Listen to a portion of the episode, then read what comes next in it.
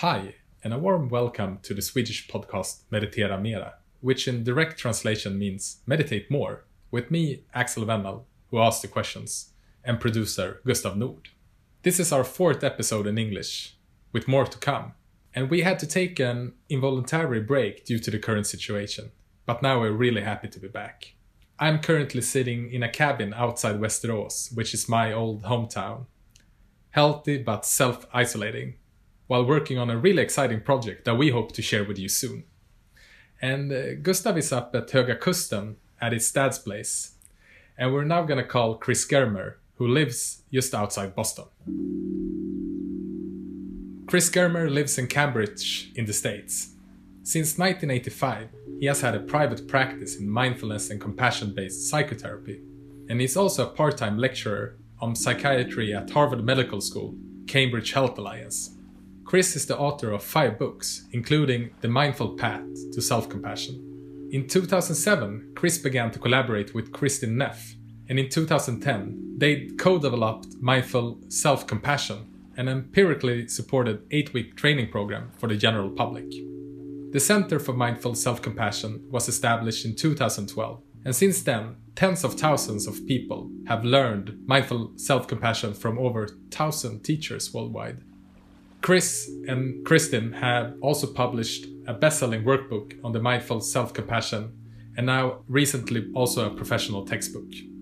As you can hear, Chris is really one of the pioneers in self compassion, and that is exactly what we'll discuss with him today. What is the difference between self compassion and mindfulness? How can one more skillfully deal with feelings of shame?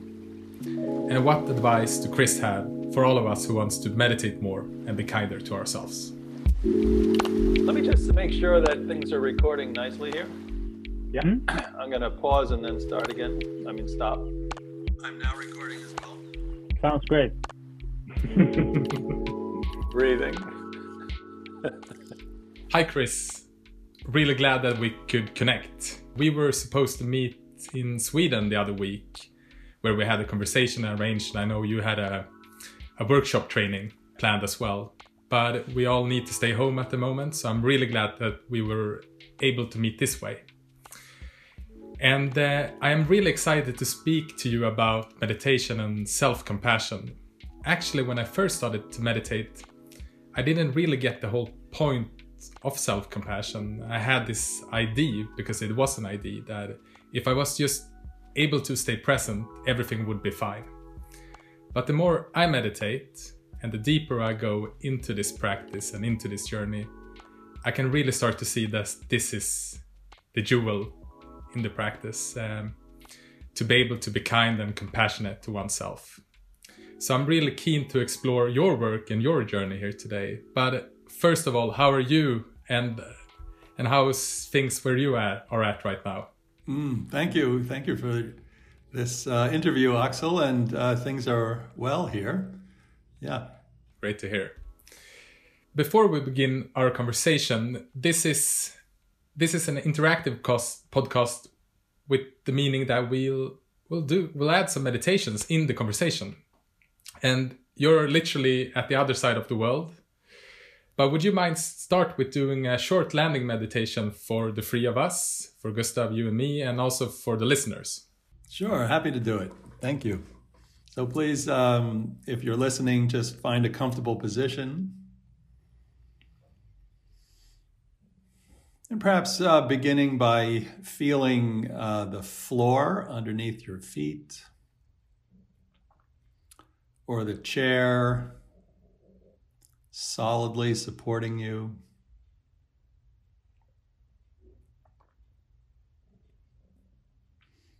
Allowing yourself to feel safely anchored to the earth.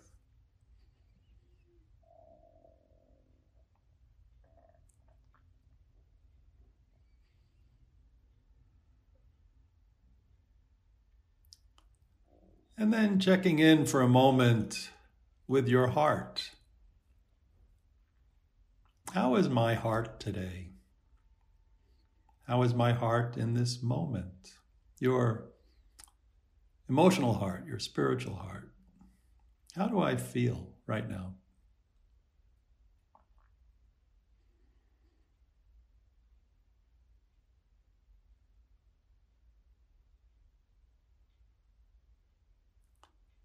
and seeing if you can allow whatever you're feeling to be just as it is, if only for this one moment.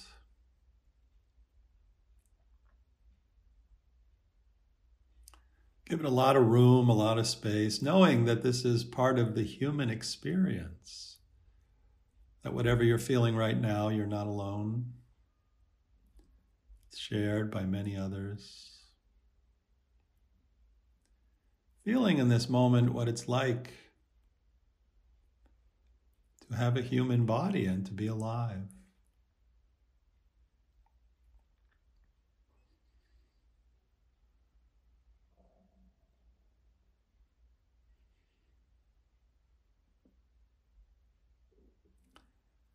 And then, if you like, if it feels right to you, perhaps offering yourself a inner smile of welcome.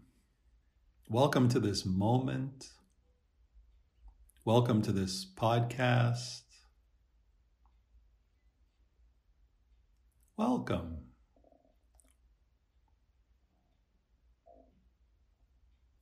An inner smile, as you might smile at a young child or someone whom you love.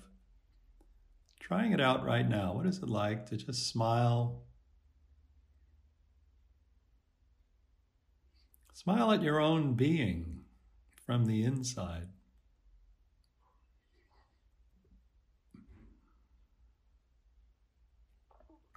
Appreciating a moment of warmth and welcome.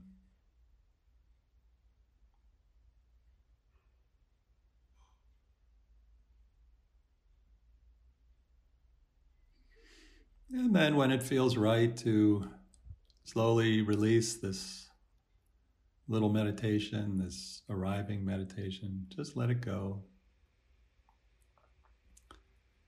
And allow yourself in this moment to be just as you are. And letting this moment be just as it is as you slowly open your eyes. Hmm. Thank you. Wow. What a start. Thank you, Axel.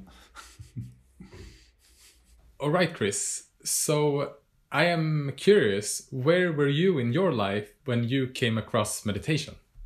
Oh, well, I was a young guy. now I'm uh, 67 years old, and I was uh, 25, and I was living in uh, Tübingen, Germany. And uh, I had just gone there in order to do some research at a university psychophysiological laboratory. And um, I was really, I felt very alone and somewhat anxious. And, and there was a transcendental meditation center just around the corner from where I lived. And I walked in there and I learned uh, TM. Mm. That was my first exposure. And how has sort of your meditation practice evolved from the first encountering with TM? yeah. Well, so um, I had a remarkable experience on TM. Uh, a few months after uh, I started to practice, I was on a meditation retreat.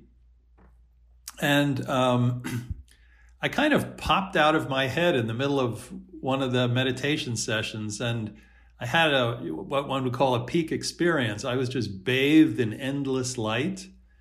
And uh, there was even no self. It was just radiant light. And and then at some point, um, my sense of self started to travel over the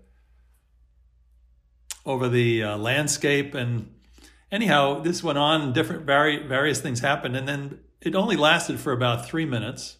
Hmm. And then um, I kind of dropped back in my body, and I thought this was uh, kind of a typical thing that happens on TM, you know.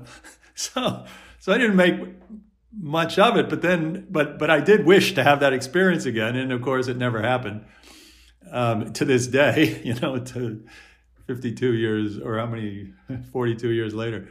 But um, after that, I went to India because I wanted to get more deeply into the source of transcendental meditation.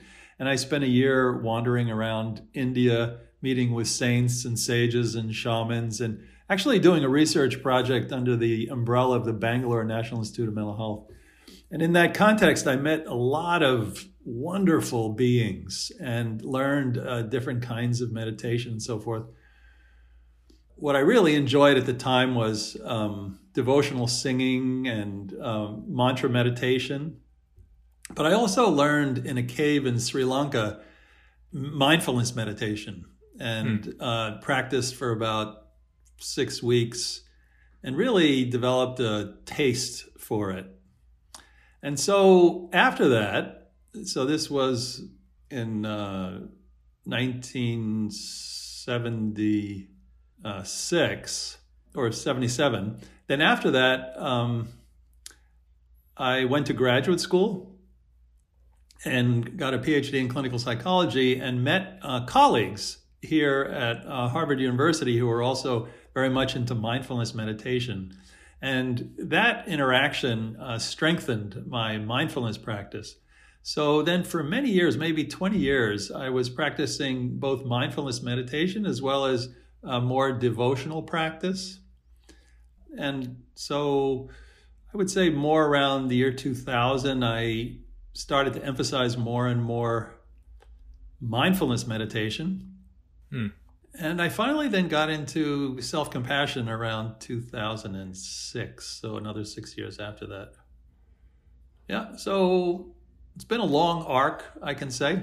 Mm. Started with TM, then devotional practice, then mindfulness, combination of both, like that. But for the last 15 years, really, it's been full on mindfulness and self compassion practice. How came it that you sort of not ended up, but sort of came up with the mindful self compassion program? What, what led you to develop that and dig deeper into that kind of practice? Mm, yeah. So um, these colleagues and I wrote a book in 2005, published a book in 2005 called uh, Mindfulness and Psychotherapy. And around that time, I I um, needed to start doing more public speaking because the book was qu- uh, quite well received and I got many invitations. But um, for the 20 years prior to uh, publishing this book, uh, I suffered terribly from public speaking anxiety. So much so that at one point um, I was giving a talk to about 30 therapists, and somebody in the back of, room, back of the room yells out, Take a breath, because, because I could hardly speak. but technically, I was a um, expert in anxiety disorders, and I knew everything that, as a clinical psychologist, I knew everything that one should do, but nothing touched it, you know. So anyhow, after this book was published, I had to start doing more public speaking, and it was a real problem. And uh, once, uh, I would say four months before I was going to give a lecture at a conference at Harvard Medical School, I was on a meditation retreat and really quite, mm, uh, you might say, anxious and pre- self-absorbed and preoccupied, thinking about this and other things. And then the meditation teacher just kind of said, and sort of paraphrasing, she said, "Why don't you just love yourself? You know, why don't you just sit on the cushion and just love yourself?" Practicing metta meditation, loving kindness meditation. So that's what I did. I sat down. I just started saying, you know, may I be safe, may I be peaceful, may I be healthy. I just started to love myself. And and I started to feel really good. And I noticed my anxiety just kind of disappeared. I noticed I became more mindful. I was more aware of my thoughts and, you know, my, mm, you could say my field of view, my vision was more spacious and relaxed. So I thought this can't be a bad thing, you know. First, I thought I was cheating because in, in a meditation retreat, because because I was happy. but what I realized is that mm, practicing loving kindness meditation was just really good for mindfulness. So, so then I, when I went home, I started to practice loving kindness meditation every morning. And as this conference was coming up, you know, four months hence, with each passing week, I became more and more anxious about this. But when I was sitting in meditation, I would just say to myself, whenever I became anxious, Oh, may you be safe, may you be peaceful, may you be happy. And then, uh, curiously, when the conference uh, arrived and I was introduced and I started to stand up to speak, uh, the usual terror rose, you know. Um, but there was kind of a new voice in the back of my head, which this voice I'd been practicing for four months that said, Oh, may you be safe, may you be peaceful, may you be happy.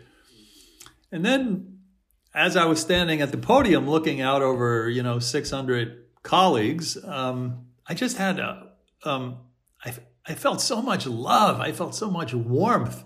I felt so happy to see them. And this was completely unique in my experience because if you suffer from public speaking anxiety, the audience is the enemy. You know, the audience is, you know, in your mind criticizing you, seeing the worst in you. but in this case, mm, all that fear was sort of turned into kind of a joyful energy. And so, anyhow, this was absolutely unique, never happened to me before. And I thought, oh, there's something to this, you know, particularly, you know, loving kindness meditation for oneself. I didn't know anything about um, self compassion at the time. This was all new to me. Um, but I learned a few things from that experience, Axel. One was that, first of all, uh, public speaking anxiety is not an anxiety disorder, it's a shame disorder. Because um, all these years I'd been trying to work with anxiety, to uh, making space for it, or, you know, taking medication for it, everything. I tried so many different things to alleviate anxiety, but I couldn't because behind the anxiety was shame. And I couldn't face the possibility that the audience would consider me stupid or fraudulent or incompetent, hmm. which I thought I was because um, I was here talking about mindfulness and I was so nervous I couldn't speak. You know, that kind of doesn't look good, you know.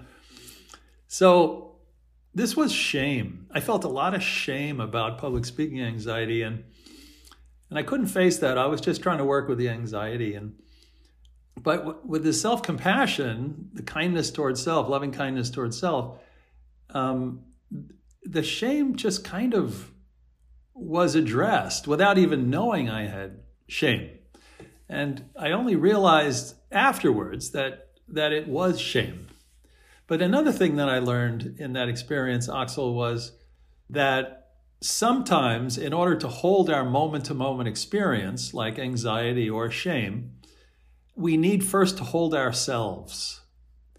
We have to be first really kind to ourselves and comfort ourselves and um, be supportive of ourselves before we are actually capable of holding our experience. This was unique mm. uh, insight to me. And that's actually what compassion is. Compassion is a loving awareness of the experiencer. Compassion is about sentient beings, the relationship of one sentient being to another or toward ourselves. Whereas mindfulness is more loving awareness of moment to moment experience. So, what I learned is we have to f- sometimes, when we're in the grip of intense and disturbing emotions, first we need to bring loving awareness to ourselves before we can bring loving awareness um, to our experience. So that was, uh, you could say, a watershed event where I discovered now what I really need to do is to integrate compassion, in other words, kindness, self compassion, kindness toward myself, into my meditation practice. So that was in 2006. Yeah. Yeah. There's a lot of a lot of things that come up in my mind when I hear you speak about this, and I want to get into uh, shame later in our conversation because mm. it is something that um, I came across quite a lot when I've been reading up towards this interview, and something that I think most of us suffer from. Uh, another thing that came to my mind when you spoke about these kind of thoughts that comes up, and uh, what I seen for myself is one of the most compassionate things I can do to myself is not to take my thoughts that serious, and, and that that is difficult sometimes. Sometimes it's even difficult to be aware that that we are thinking, and uh, and the second step is sort of to um, to not take them as serious, to see them as uh, I don't know hypotheses or uh, mental images or whatever it is, to not take them as facts, and that for me that has been an act of love and kindness towards myself to be able to to make that shift into my consciousness. But you were speaking a little bit about the difference between mindfulness and self compassion. Could you sort of elaborate a little bit more on how they sort of work together and how you can um, sort of use them perhaps together when when one meditates? If one have sort of more practice the mindfulness meditation or mantra meditation and then haven't really came across the self compassion practice.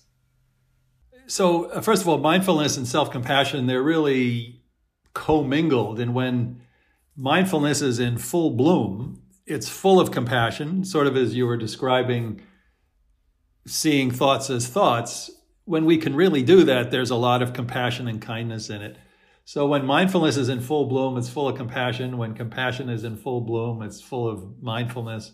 Hmm. But usually, what happens in our lives is that our mindfulness or compassion is not full, you know. So then we need to kind of intentionally spice it up with something, you know. In other words, how can we make our mindfulness more full? Sometimes the way to do that is to intentionally bring in a little uh, warmth, you know, a little compassion and so forth. Um, so when we're just practicing traditional mindfulness and we're suffering, um, the invitation is to make space for the experience and to uh, make some room for it and to hold it in tender awareness. but the instruction with compassion training is to love yourself. You know, just to be really kind to yourself in this moment, to love yourself in this moment. And and that can make a big difference when we can't make room for our experience. You know, when we cannot see our thoughts as thoughts, it's usually because we're uh, kind of in a in a often kind of in a threat state. You know, we're kind of mm, vigilant, wary, stressed, uneasy. Physiologically, we're kind of in a threat state. So, what does it take to actually settle the mind when we're feeling threatened? historically, as human beings, the way we have been able to uh, feel less stressed is by going to another person who would comfort us. And this has been the case since we were born. Um, but what we can also do in our own meditation practice is we can be with ourselves in the same kind of warm and kind way as we often get from others to regulate our emotions. And in particular, what happens then is that we move, as Paul Gilbert in the UK would say, from a threat state to a care state. So, what enables us actually then to be more mindful is by activating caregiving and kindness. And then the mind settles down and we can practice, uh, you know, clear seeing. We can see what's happening in our lives more clearly. So you spoke a bit before about shame, and I reckon that is one of the sort of emotion, underlying emotions that can really trigger that threat sort of uh, situation in life. So how could how can mindful self-compassion help you deal with shame? So interestingly, mm, if nothing else, self-compassion is an antidote to shame. Because what's unique about shame is that it's an attack on the self. You know, we say guilt is I did something wrong, shame is I am wrong. You know, guilt is I made a mistake, shame is I am a mistake. So, what's very common with um, shame is self criticism, self attacking. There are also other qualities closely associated with shame. One is um, is feeling very isolated and alone, and sometimes even uh, trying not to be in our own bodies. Some people in extreme shame they also dissociate. So this this quality of um, in shame of attacking oneself, also just trying to disappear. And another thing that happens with shame is we tend to ruminate. We go like, you know, why me? Why did this happen to me? There's all this self-oriented thinking. So, so that's shame. And uh, self-compassion, as Kristin Neff uh, defines it, has three uh, key components. And the first one is self kindness versus self criticism.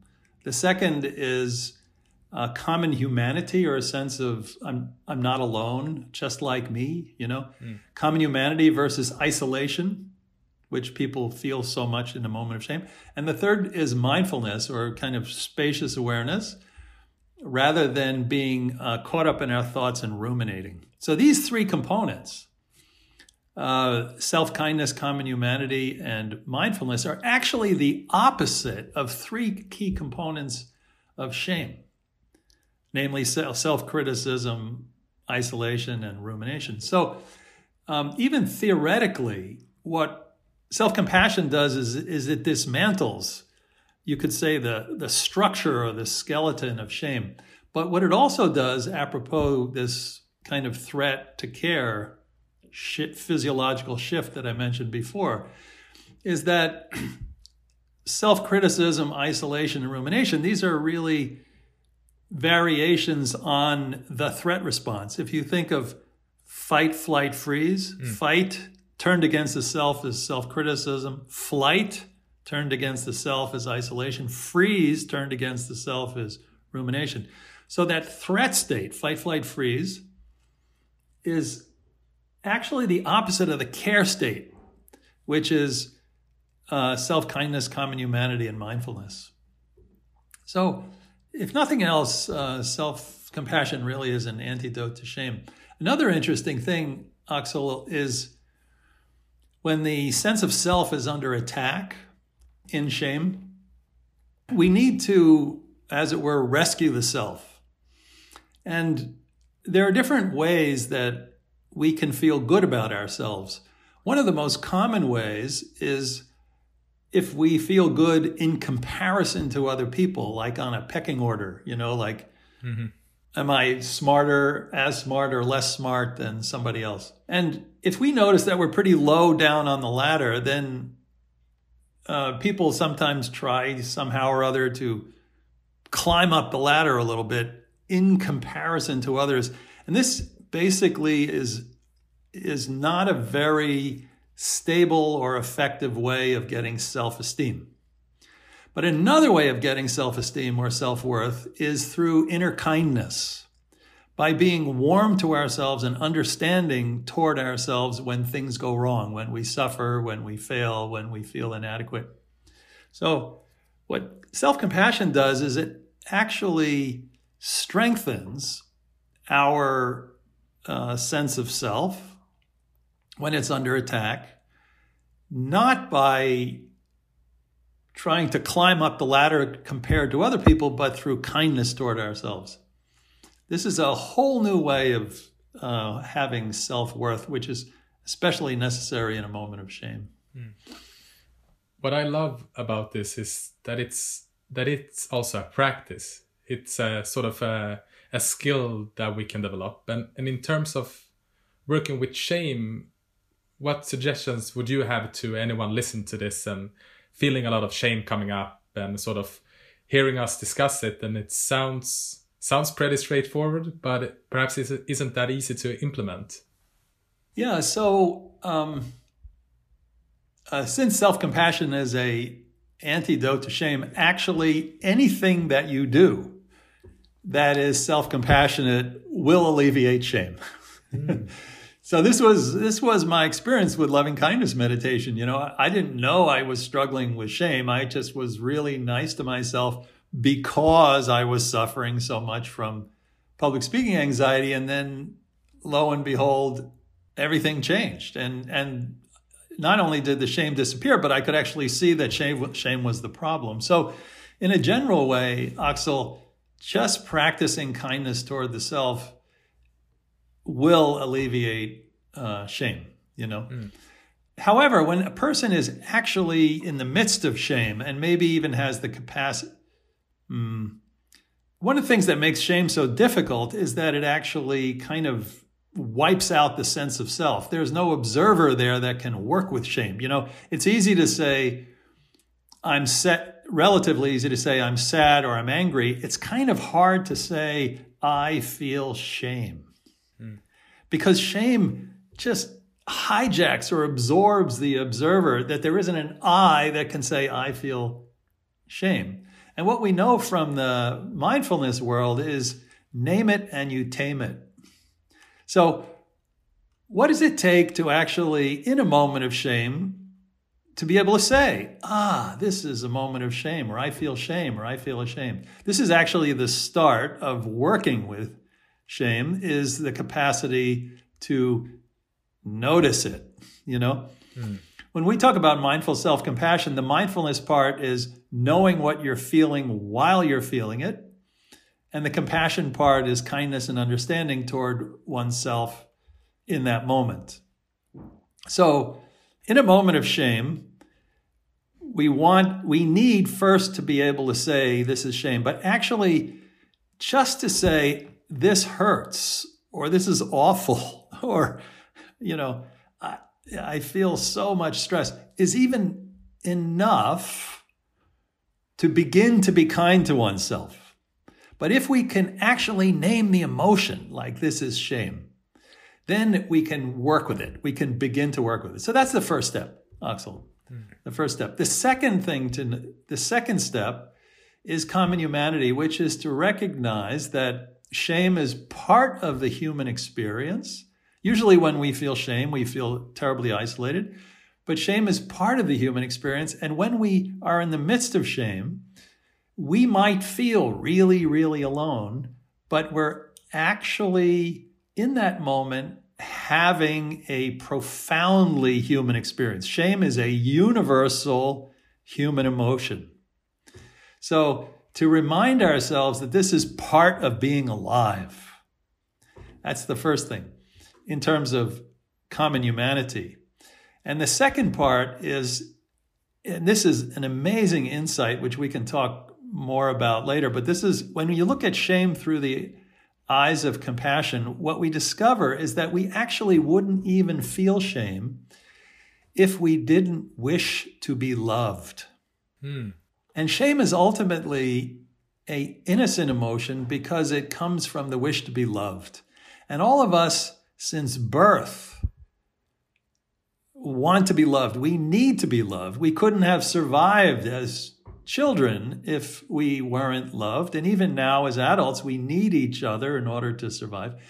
The wish to be loved has been with us since birth, and it is running through our entire lives. Even in this moment, you and I wish to be loved. Hmm. You know, we don't usually think about this, but when we when we have an, a, a moment of shame, we actually shame loses its grip when we can see in that moment that just as all beings wish to be loved, so do I in this moment also wish to be loved. When we can actually, excuse me, actually get to that uh, deep, soulful need or desire that emerges out of us at birth in the moment of shame.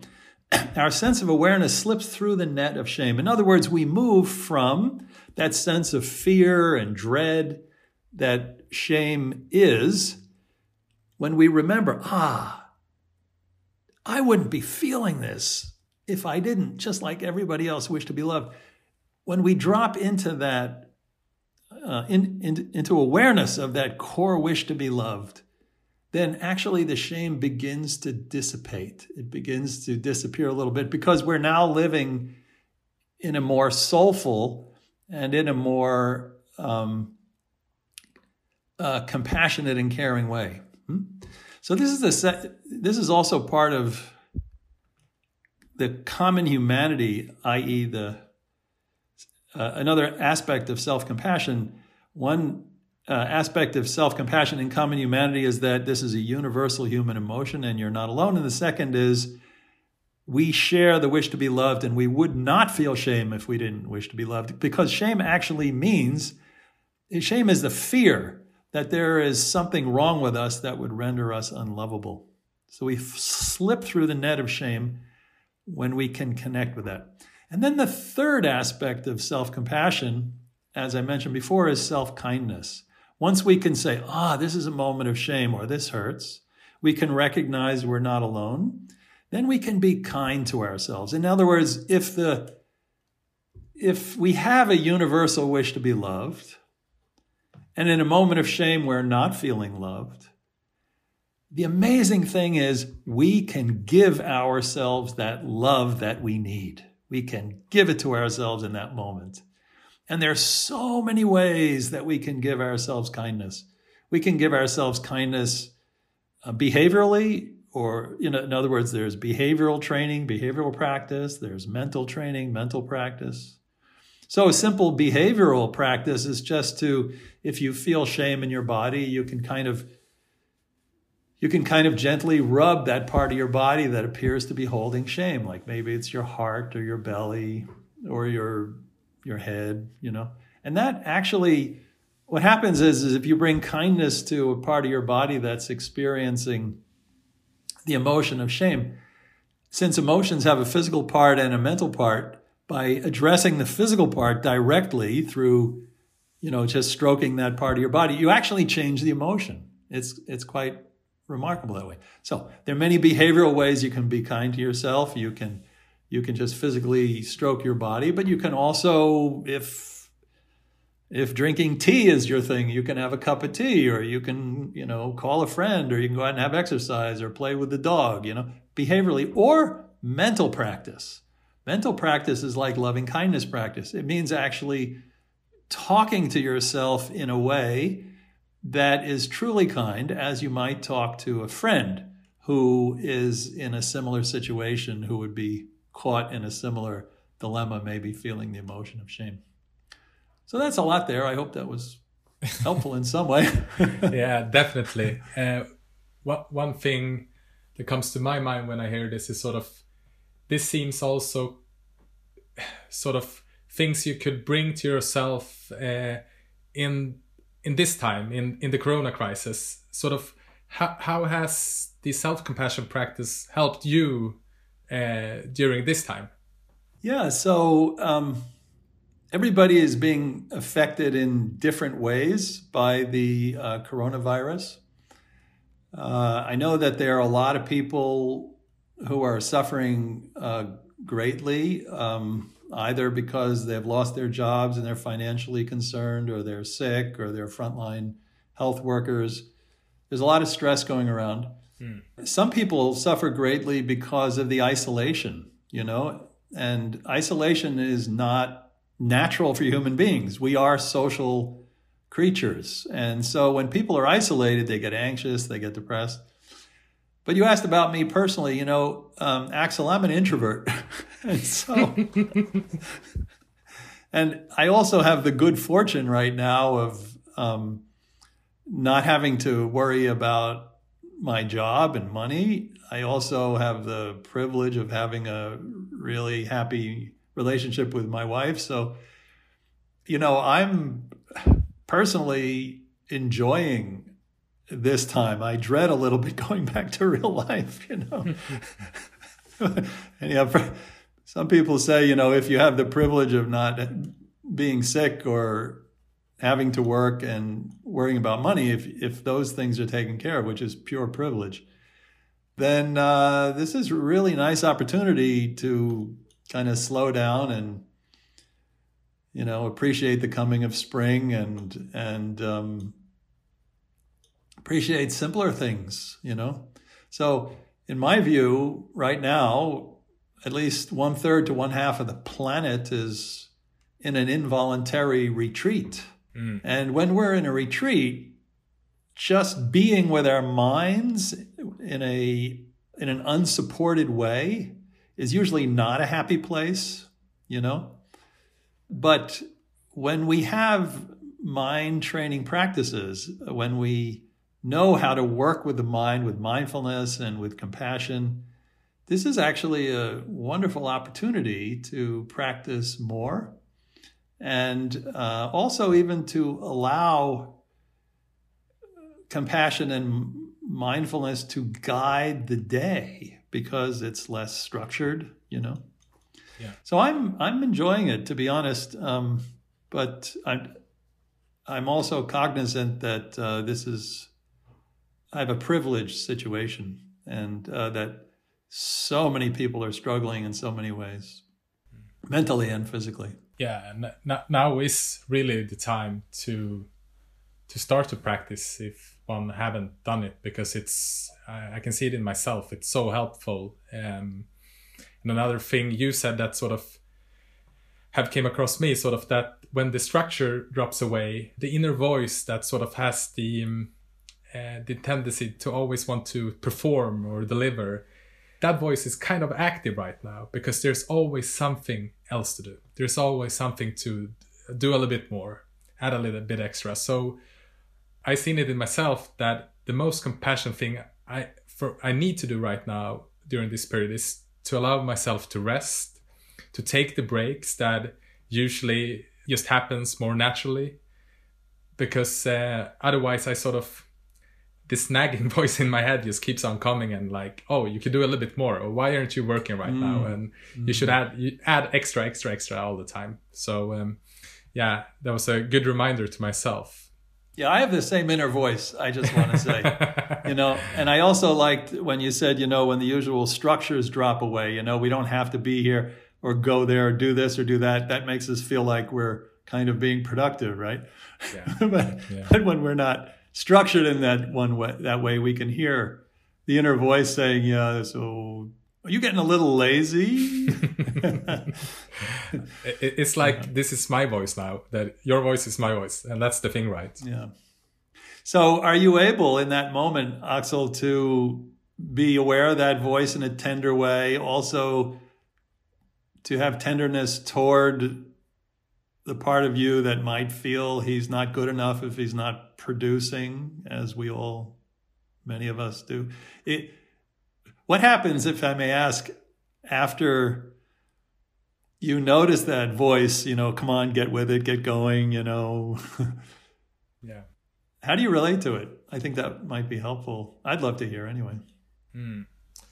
it's really from time to time to be honest um, sometimes that voice kind of takes the the driver's seat and uh, i feel stressed i feel anxious and um, i sort of becomes a bit more reactive.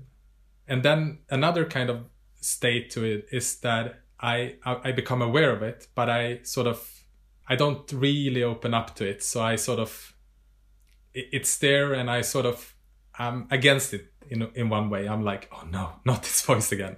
Like I know that it's just a voice, but I'm sort of not really embracing and accepting it or loving it. And then the third state is the self-compassion state where I sort of ah, all right, okay, this is kind of a where I can see it for what it is, this kind of protective uh, that in one sense perhaps just wants me to do well and uh, wishes me well to be safe and to be loved as you mentioned before. Um, so I, I go between those three states uh, but i'm so grateful that i have the third state that i know that it's available.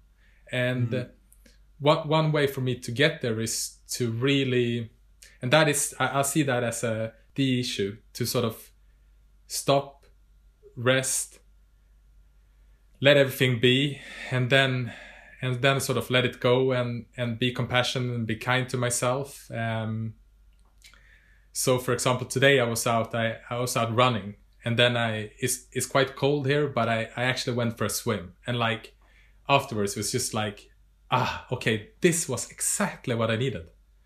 And that was my it, it was compassion. I, I i sort of just laughed out loud. It made me realize yeah that it's so helpful and i really need to to go to the third step more it's it's sort of it, it reminded me that this is the right path this is sort of like do this more don't stress like it's fine relax Be- beautiful, beautiful. Well, when we got on this call, I could uh, see your radiant face. Now I know it's because of the cold water. yeah But anyhow, that that too is an act of that's behavioral self-compassion. You know, what do I need now? You know, when we ask ourselves the quintessential self-compassion question is what do I need? You know, what do I need to be safe? What do I need to comfort myself, soothe myself, energize myself, motivate myself, protect myself, provide for what do I need, you know? That's ultimately the self-compassion question. But what I was really, what I was, uh, among many things you said, Axel, that I was appreciating was that to hear that voice, sometimes you can get swept away with it, sometimes you can step back.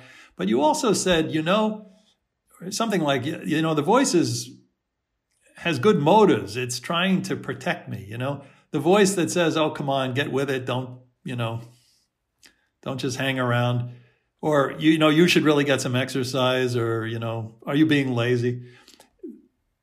That voice is actually trying to make us safe and support us as you said you know?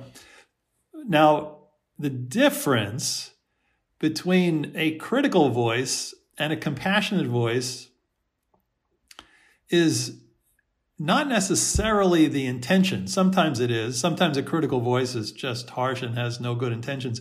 But often they they both have good intentions, the critical voice and the compassionate voice. But the difference is, is that a compassionate voice is warmer.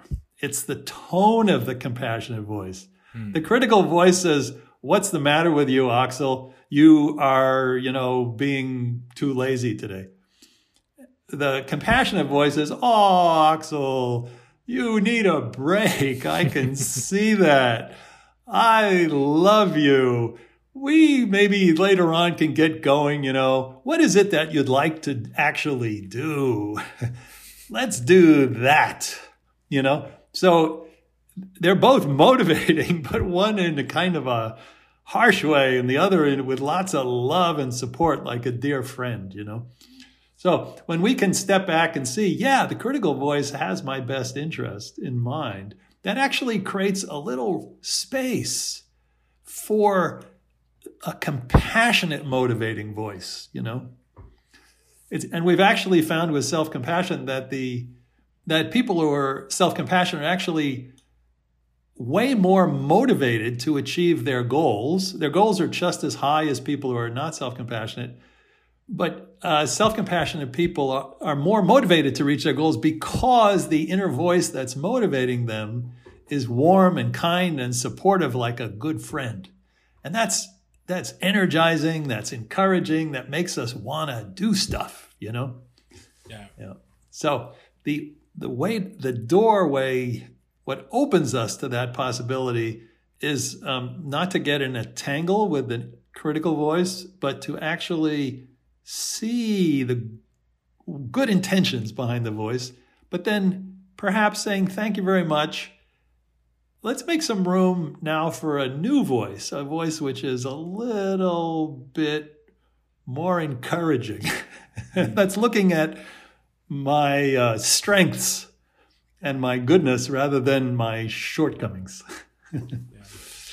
yeah, one thing that pops up when you when you sort of describe this is that also that the activity can come from this kind of more of a loving kind of place or more be driven by fear and sort of Thank you. I, I can I can also see that in my, in my own activity that the quality of any kind of activity always gets so much more enjoyable and even better in the sense if you want to measure it in in kind of deliverance or whatever it gets better if there's more of a it comes from this loving place rather from the fear.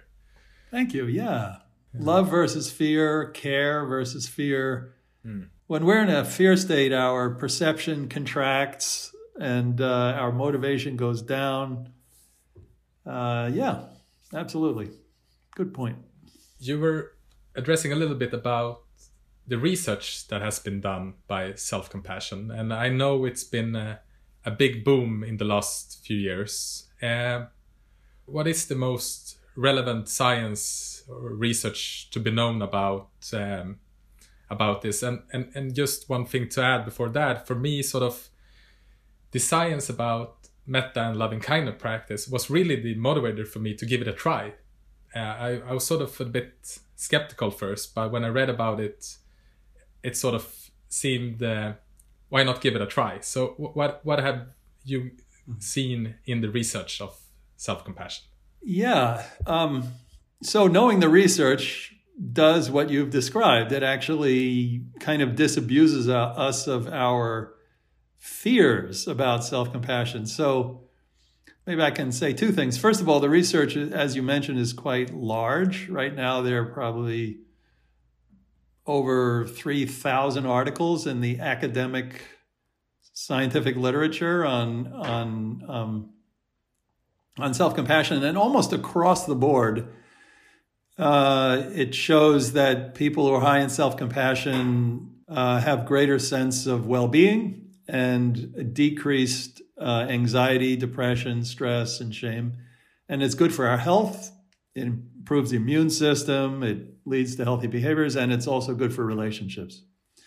So basically, self compassion is good for you. I think in, in, among all these articles, there might be two that suggested something otherwise, you know?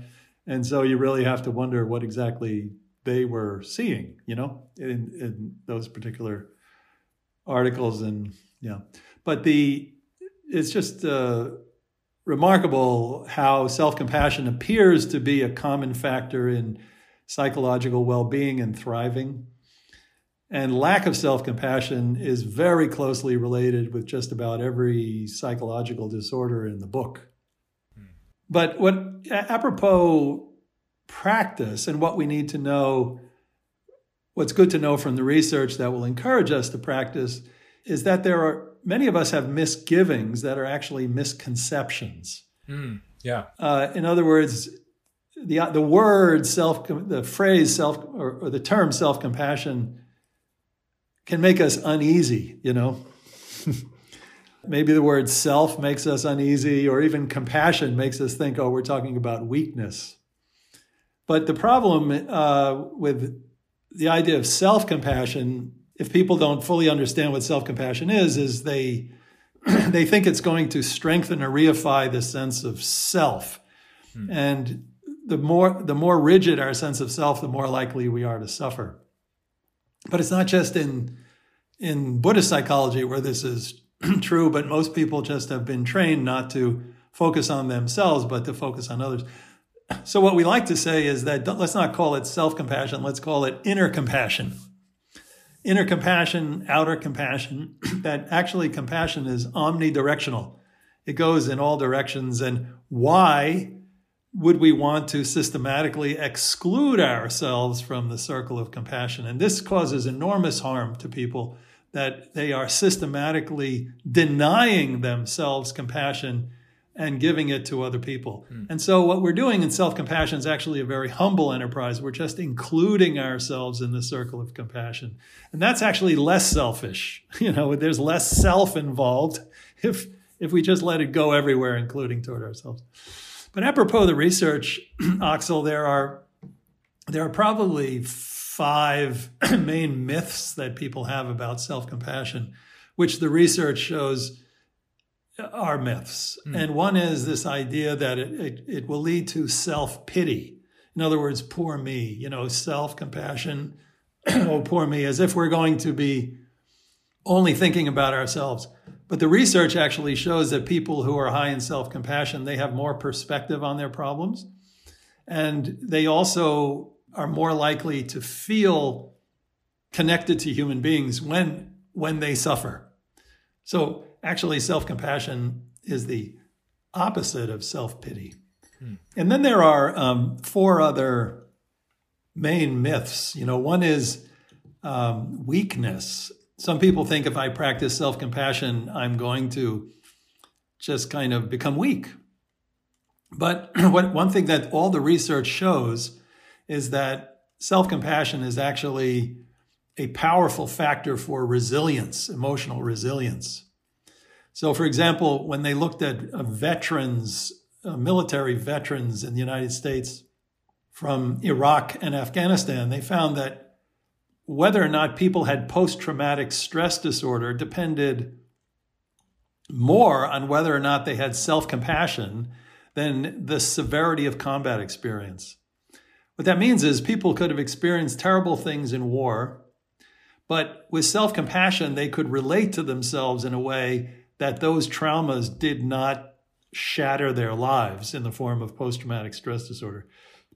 So, this middle uh, step, the, how we relate to our trauma, and in this case, in the form of self compassion, is a powerful buffer that allows us to, as it were, cope or uh, to respond in an effective way when things are difficult in our lives. So, self compassion is actually not a, a, weakness, but it actually is a source of resilience and strength.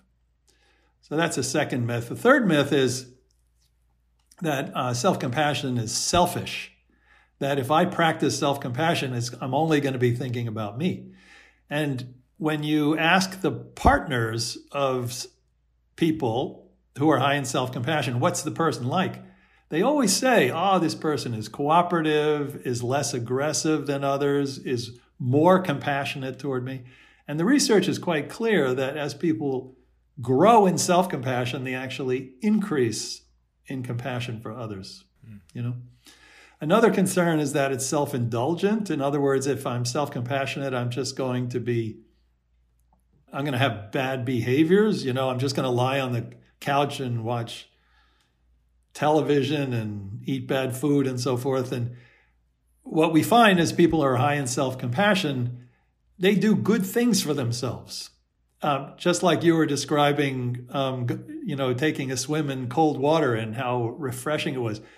Jumping in the cold water might have been a bit of a shock, but you knew that th- you'd feel great afterwards, so you did it. People who are high in self compassion, they do stuff like that they're actually able to balance the short term benefit with a with the long term benefit, and they usually choose the long term benefit. You know, so therefore, it's not self indulgence. You're not just going to drink you know alcohol all the time because I want to. They're they're actually the research shows people are high in self compassion. They drink less, they eat better, they exercise more, they practice safe sex, they take better care of themselves. You know, and then the the fifth um, myth is that it's demotivating. It will make us less likely to achieve our goals. And as I mentioned earlier, people who are high in self compassion have as high goals as people who are low in self compassion, but they're more motivated to get to reach their goals. And they're more motivated because the inner voice is encouraging and not critical. Mm. An encouraging voice is energizing. And therefore, uh, actually, people who are high in self compassion are not demotivated, they are more motivated. And so, knowing these things, people can really engage in the practice, I think, with confidence. There's a large research base now to show that this is a this is a good thing. Yeah, one thing that has been present and occurring for me this week and also leading up to our talk is another misconception and and it's the misconception I think many of us uh, face sometime, and that is the misconception that we won't have any problems or suffer at all.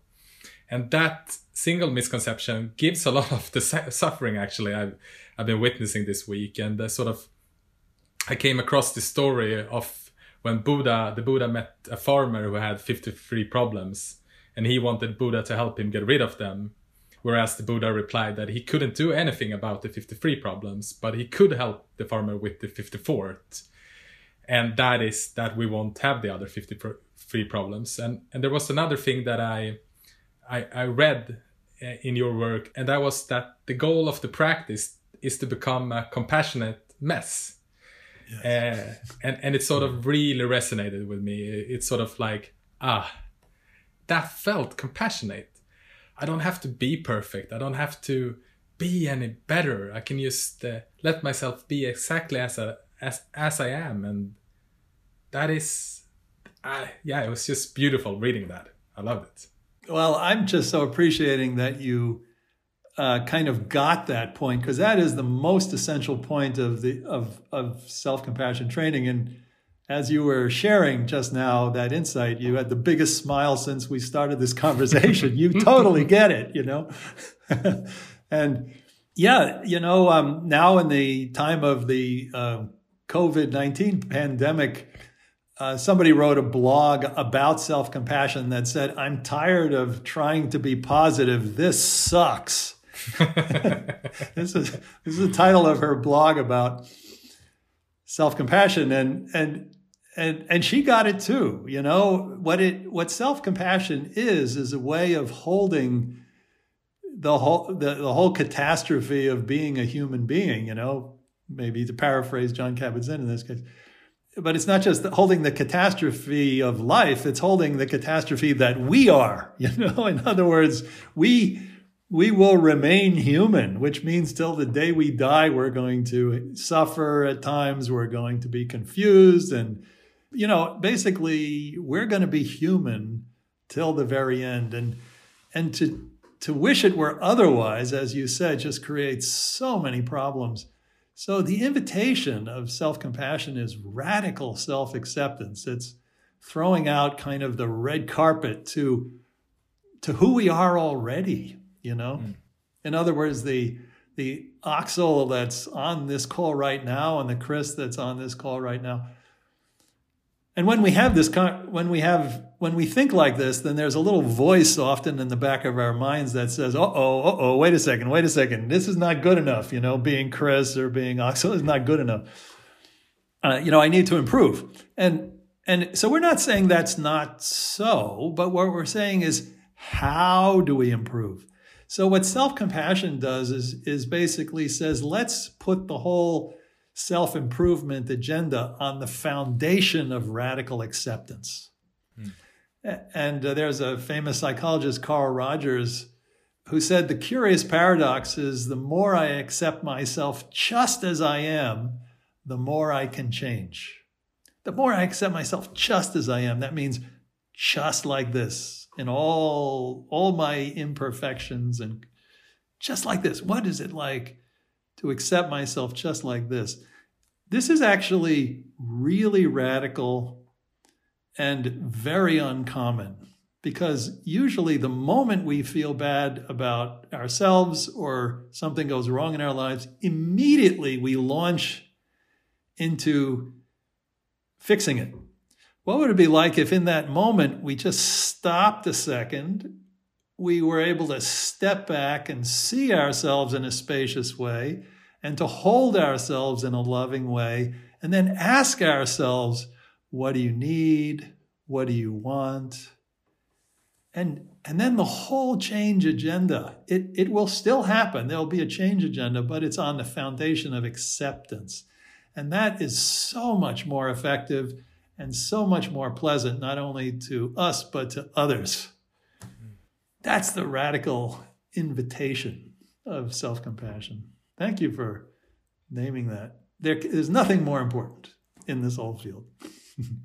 so we're gonna practicing uh, self-compassion here with you just in a bit. But before that, we have a, a part in the podcast called Five Quick Questions.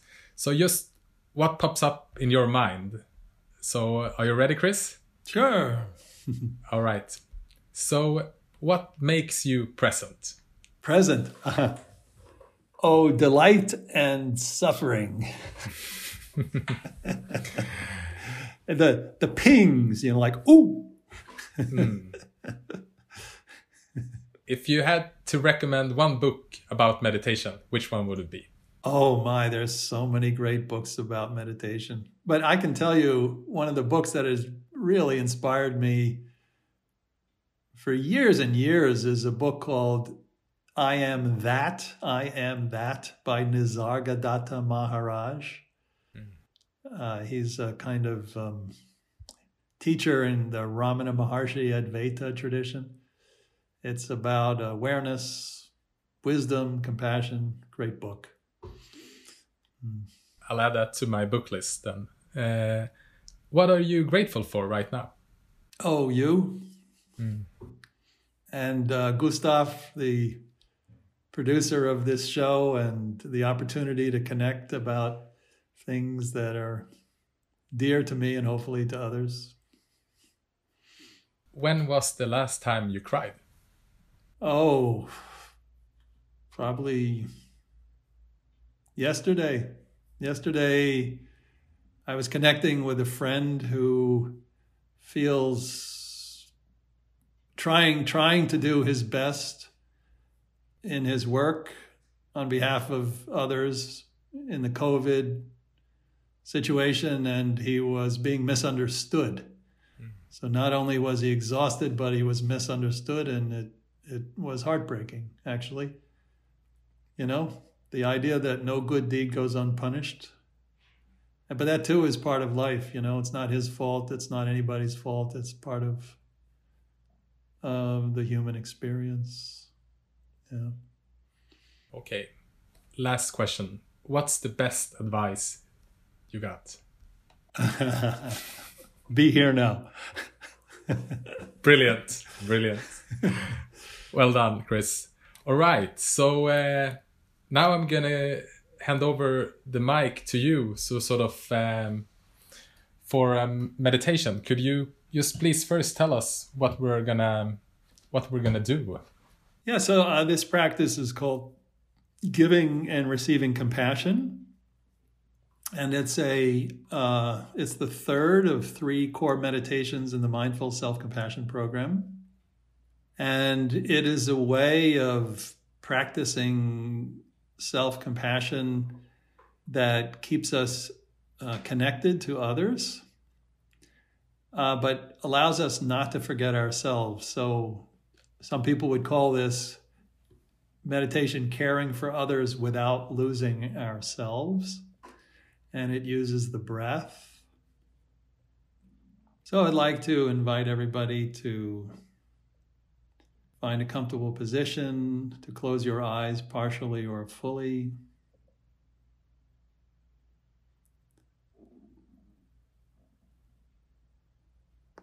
And knowing that you've been listening for so long, allowing your awareness to drop into your body,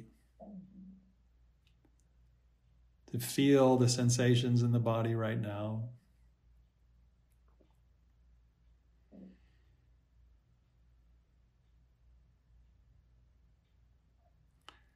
And then noticing the physical sensation of the body breathing. Seeing if you can notice the sensation of breathing in and breathing out.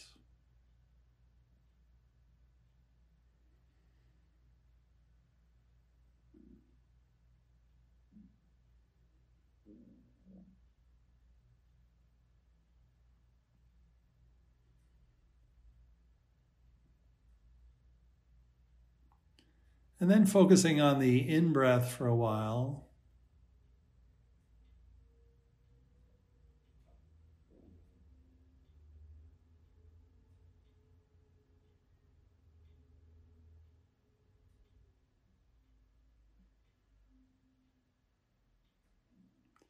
And seeing if you can notice how each in breath subtly nourishes and energizes the body.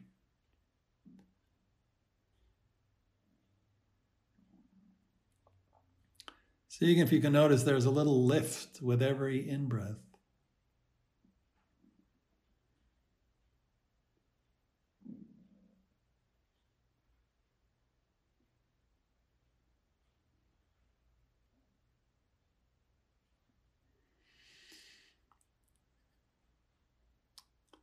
And now, for the sake of this meditation, just allowing every in breath to be for you. In for me.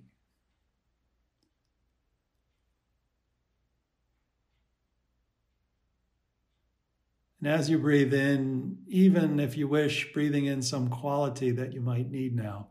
Maybe you need some love, some compassion, some strength, some warmth, some light, some peace, whatever it may be.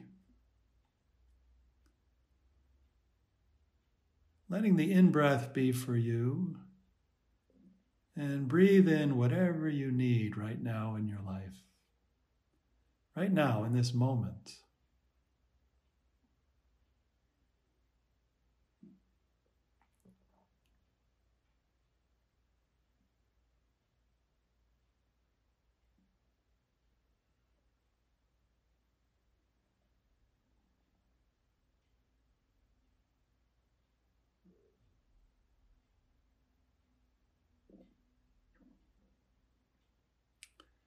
And now gently release the awareness on the in breath and feel what it's like to breathe out. Feel this sense of exhalation.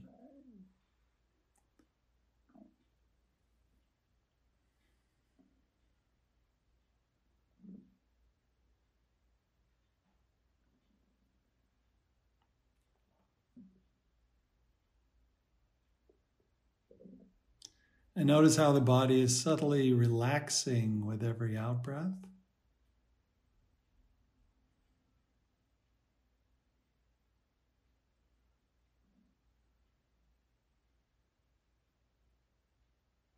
Feeling the ease of every exhalation, one after another.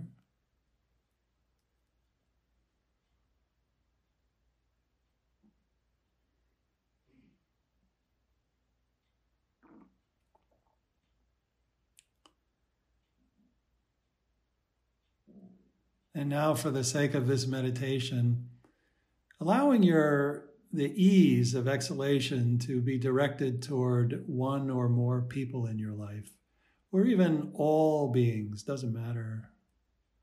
But sending ease out with every out breath to others. Sending well being, or if you wish, you could send love or warmth or kindness. Allowing your out breath to be a gift for others.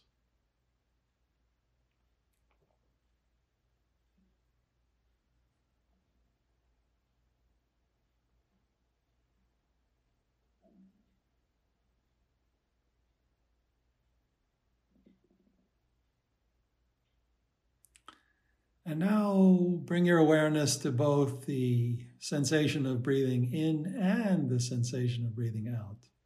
In for me and out for you.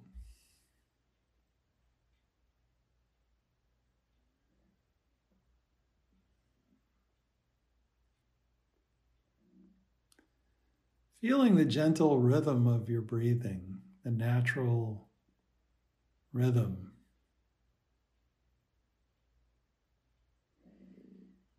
Just like waves. As you breathe in, the waves are drawing in. As you breathe out, the waves are going out. Allowing yourself to be part of this natural rhythm.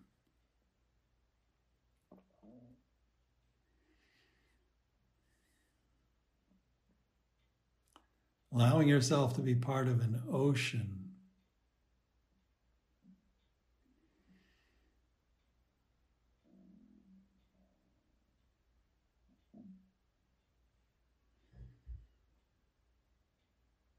feeling quite naturally your body breathing in for you, quite naturally out for another, flowing in, flowing out.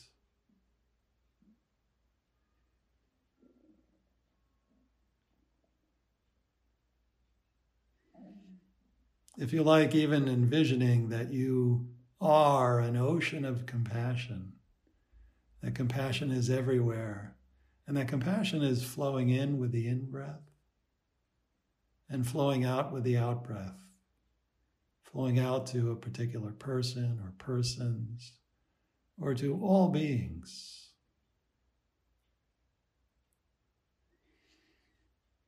Feeling the rhythm. Goodness in, goodness out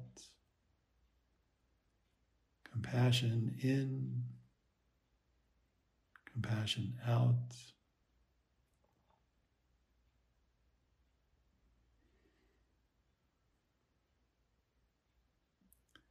Ocean of compassion.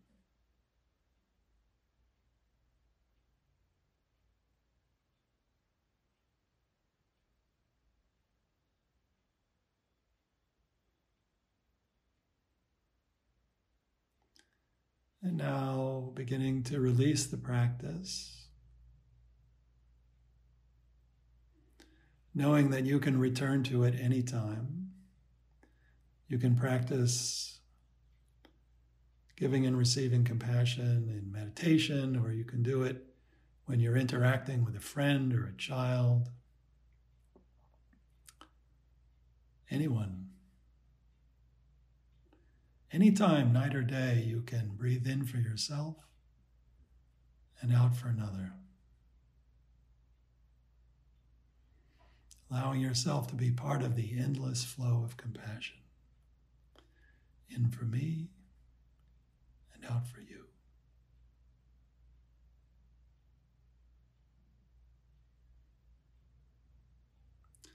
And then, when you're ready to slowly open your eyes.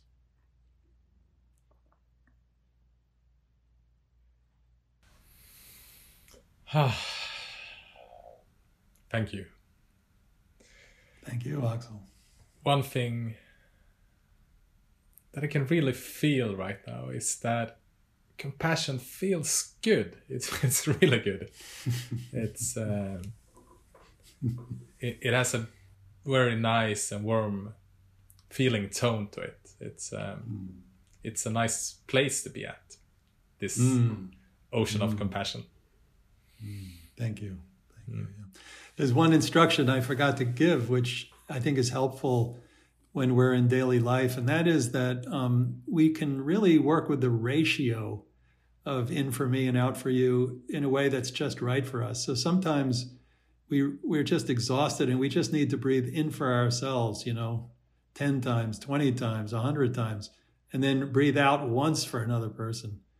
Or maybe your heart is just breaking for other people's pain, and you can just breathe in one one for yourself and ten out for another person. You know, but it's really helpful in this practice to choose a ratio that's just right for you. To ask yourself, what do I need, and to let it be, and to then give yourself what you need.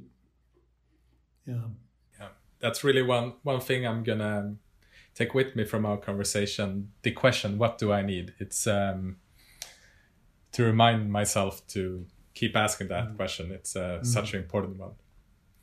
Before we say goodbye, do you have any recommendation or any guests that you would like to listen to in in the podcast Meditera Mera?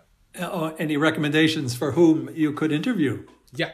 Oh, oh my goodness! Uh, there are just uh, so many amazing uh, people out there who uh, I would love to hear speak more. You know, in in the field of loving kindness and compassion, three of my favorite teachers are Jack Kornfield, Sharon Salzberg, and Tara Brach. And uh, they're all the, the three of them are just so eloquent and so clear. Uh, so, but they're also so busy. So, people are lucky if they get a, a little bit of their time. Yeah, if you're interested in um, in research on loving kindness meditation, Barbara Fredrickson, people don't hear from her too much, but she's done a lot of really good research on loving kindness meditation. So that's interesting if you want to do a more, you know, science-based thing, but she also has a practice. Thank you. Thank you. So uh, we were supposed to meet up in Stockholm just a week ago, but um, I heard that is is your plan now if situations change to come to Sweden in November or I hope so. yeah Yeah, I mean, none of us really knows how this is going to pan out, but I hope so. Yeah. would be great to meet you in uh, in real life as well. Oh, I would love that, Yeah. Axel. Gustav too, if he's not on some island somewhere. All right. Thank you so much for taking this time and um, yeah, talking about self compassion and your own journey. It's uh, it's been really it's been really nice to connect and learn from you. So thank you. Thank you. It's been really great doing it as well. And I would like to just give a shout out before we're done to Kristin Neff, whom uh, I met in 2008, and we've been closely collaborating on all these things together since then. And um, if you can um, interview her, I think that would also be a treat. Anyhow, so thank you guys, and uh, thanks for all you're doing, sharing these important practices with Swedish people and the rest of the world. All right. Bye. Stay well. Bye bye. Thank you for listening to this episode of the podcast Meditera Mera. We hope you have been inspired by our conversation and by Chris' meditation. If this was the first time you listened to the podcast, it's done by Gustav and me, and together we run Breathe In meditation and adventure retreats. With the help of meditation, nature, and adventure, our aim is to discover the present moment, both on our trips but also when we get back home. Due to the current situation worldwide, we have been forced to cancel our spring retreats, but hopefully we will be back in August September again with a weekend retreat just outside Stockholm. You can stay updated on our Instagram, Breathe Travels, or find more information on our website, breathein.se. And if you have any suggestions on inspiring guests or any topic you would like to listen to, please email us at hi at breathein.se. And if you like this episode, please share it to your friends so we can all inspire even more people to meditate and to live present lives and to be kinder to ourselves. And if there's something that we will bring with us from our conversation with Chris, it is that the feeling of shame comes from the feeling of wanting to be loved.